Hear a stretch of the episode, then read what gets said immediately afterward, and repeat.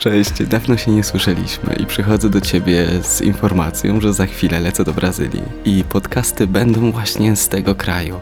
Jest to podróż w nieznane, bo nie mam za bardzo planu.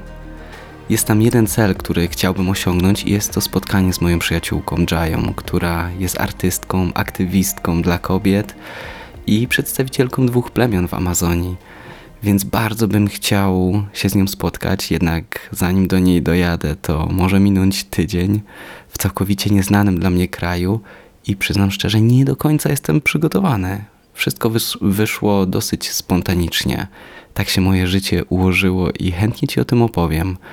Jednak dzisiaj czuję lekki stres, bo jutro rano jadę zrobić testy na COVID i za 72 godziny jestem w samolocie. Lecę najpierw do Kataru, z Kataru do São Paulo. Ten lot będzie, cała ta podróż do São Paulo będzie trwać 28 godzin i najdłuższy lot będzie trwać 14 godzin właśnie z Kataru do, do Brazylii. W São Paulo zarezerwowałem sobie jeden nocleg, tak żeby jakoś jetlaga mm, przespać, bo tam jest jednak różnica czasowa, ale też klimatyczna, bo jest tam lato. A gdy to nagrywam jest e, grudzień, dzisiaj są Mikołajki, więc e, szczęśliwego Mikołaja. Oj, więc możesz słyszeć w moim głosie bardzo dużo emocji, trochę chaosu, ale chciałem już wcześniej nagrać coś, mm, bo ten czas przed wylotem jest jejku niewiarygodny. Przytulam swój lęk i chyba to jest największy sukces, bo dawno nie odczuwałem takiego stresu, może dlatego, że dawno nie podróżowałem. Minęły trzy lata i trochę się przy, już przyzwyczaiłem do mojego komfortu, do mojego mieszkanka, do tego, że mam przyjaciół w okolicy, do miękkiej podusi i ciepłego prysznica. A teraz znowu założyć plecak i jechać w nieznane. Hmm.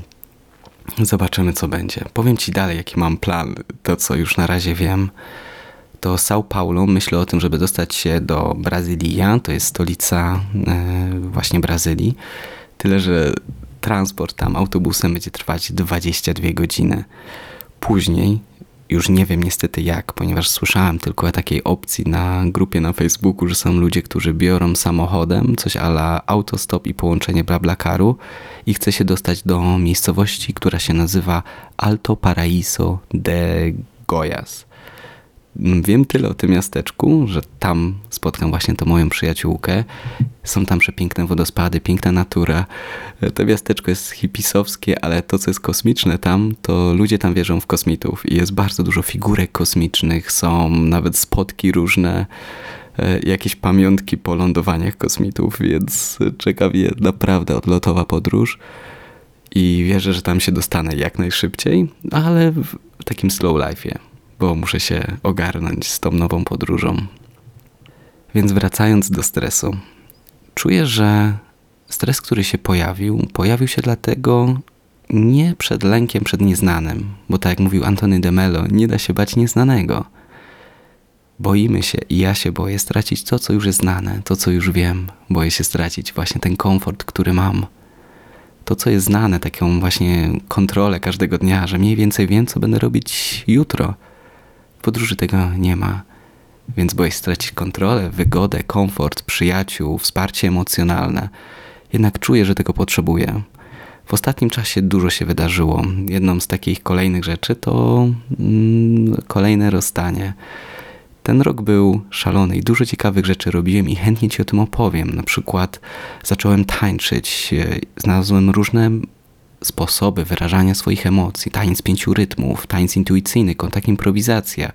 Byłem na warsztacie nawet z BDSM-u i może to brzmi dziwnie, bo to jest trzymanie granic, um, nauka uległości i dominacji.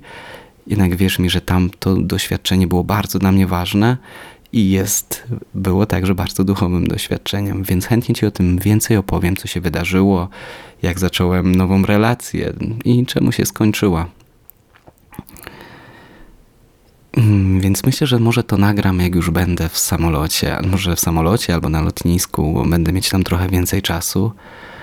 A teraz powoli szykuję się spać, bo właśnie kupiłem ubezpieczenie, bo to jak rozmawiałem ze swoim lękiem, to widzę, że on służy. Mój lęk jest po to, aby mnie zabezpieczyć, aby przypomnieć mi o tym, że warto mieć ubezpieczenie, warto sprawdzić niektóre informacje, zadbać o swój komfort. I jeśli widzę, że jeśli już go nie wypieram, nie uciekam od niego, tylko pozwalam mu być i traktuję go jak pewną część mnie, którą trzeba zaopiekować się, to widzę, że ma dla mnie informacje i wtedy ten lęk nie jest taki straszny. I to mi bardzo pomaga. Też wiem, że lęk będzie.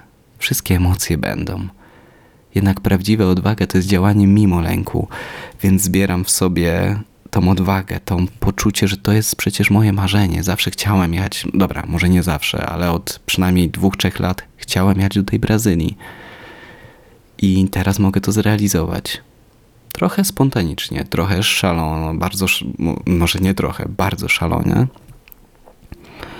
Jednak wierzę, że to będzie super podróż. Chciałbym tam znaleźć też klasztory, znam jeden, więc mam nadzieję, że się tam dostanę i będę mieć czas na to, żeby też mieć jakieś odosobnienie medytacyjne. Jednak czuję, że najważniejsza dla mnie taką intencję, którą mam, to jest po prostu zacząć, hmm, może nie zacząć, ale puścić wiele rzeczy, których się trzymam, wiele przywiązań, bo wiem, że szczęśliwy jestem. Tylko w ostatnim czasie, ostatnich, tak gdzieś przed moją trzydziestką, nazbierałem jakichś dziwnych przekonań, które najwyższy czas puścić i widzę, że po prostu potrzebuję nabrać dystansu do tego, co się wydarzyło w moim życiu. I wierzę, że ta podróż mi pomoże. Nie jest, tak jak mówię, tym razem to ucieczka, bo czuję, że niektóre moje podróże były pewną ucieczką, zostawianie wszystkiego i jechanie w nieznane. Teraz mam gdzie wracać i się cieszę, więc będzie zupełnie inna podróż. Dlatego dziękuję Ci i zapraszam Cię na podróż do Brazylii. Więcej informacji będę za chwilkę mówił. Do usłyszenia już na lotnisku.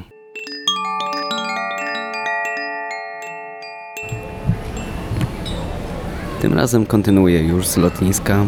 Wylądowałem właśnie w Katarze po 5-godzinnym locie i za półtorej godziny lecę już do São Paulo.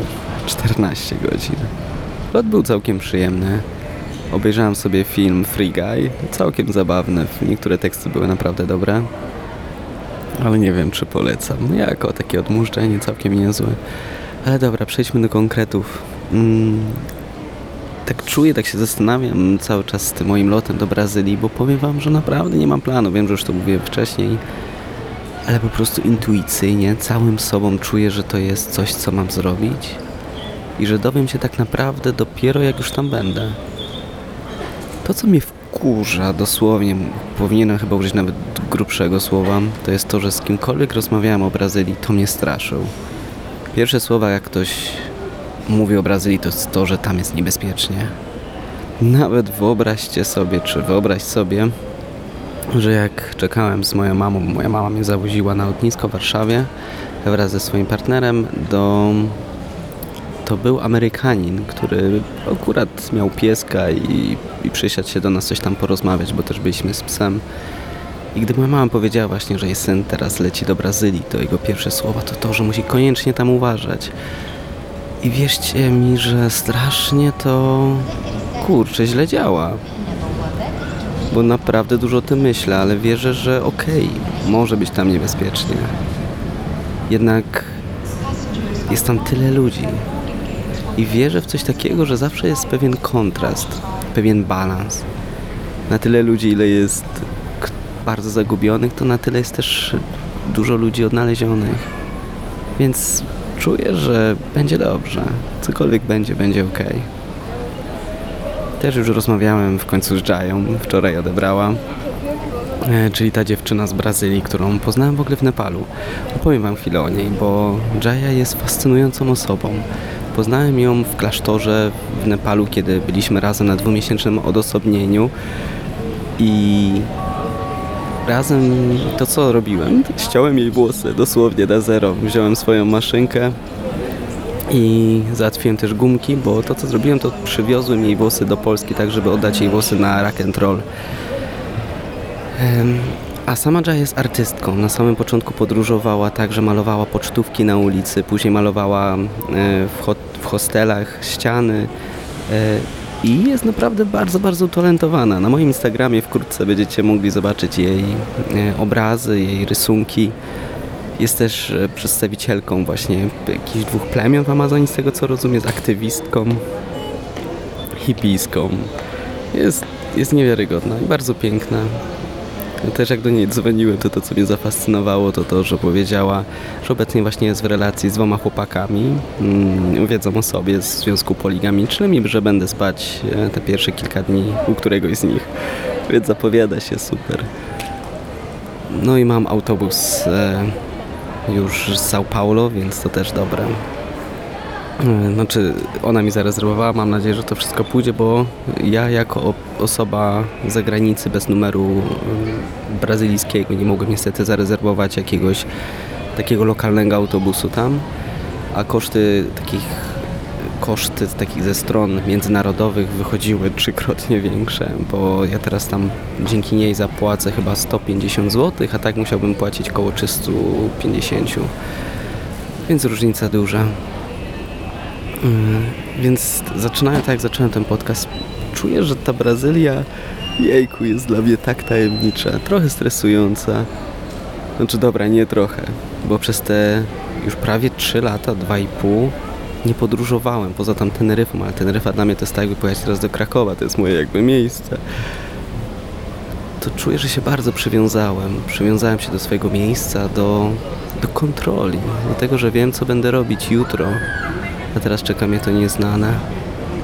I to dobrze, że puszczę.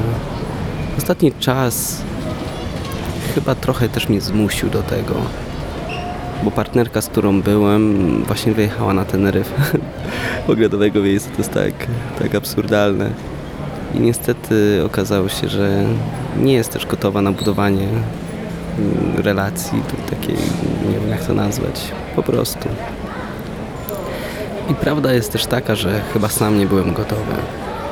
Przez ten rok, od kiedy skończyłem ostatnią relację, uświadomiłem sobie, że jeden z moich największych lęków, jakie mam, to jest lęk przed samotnością.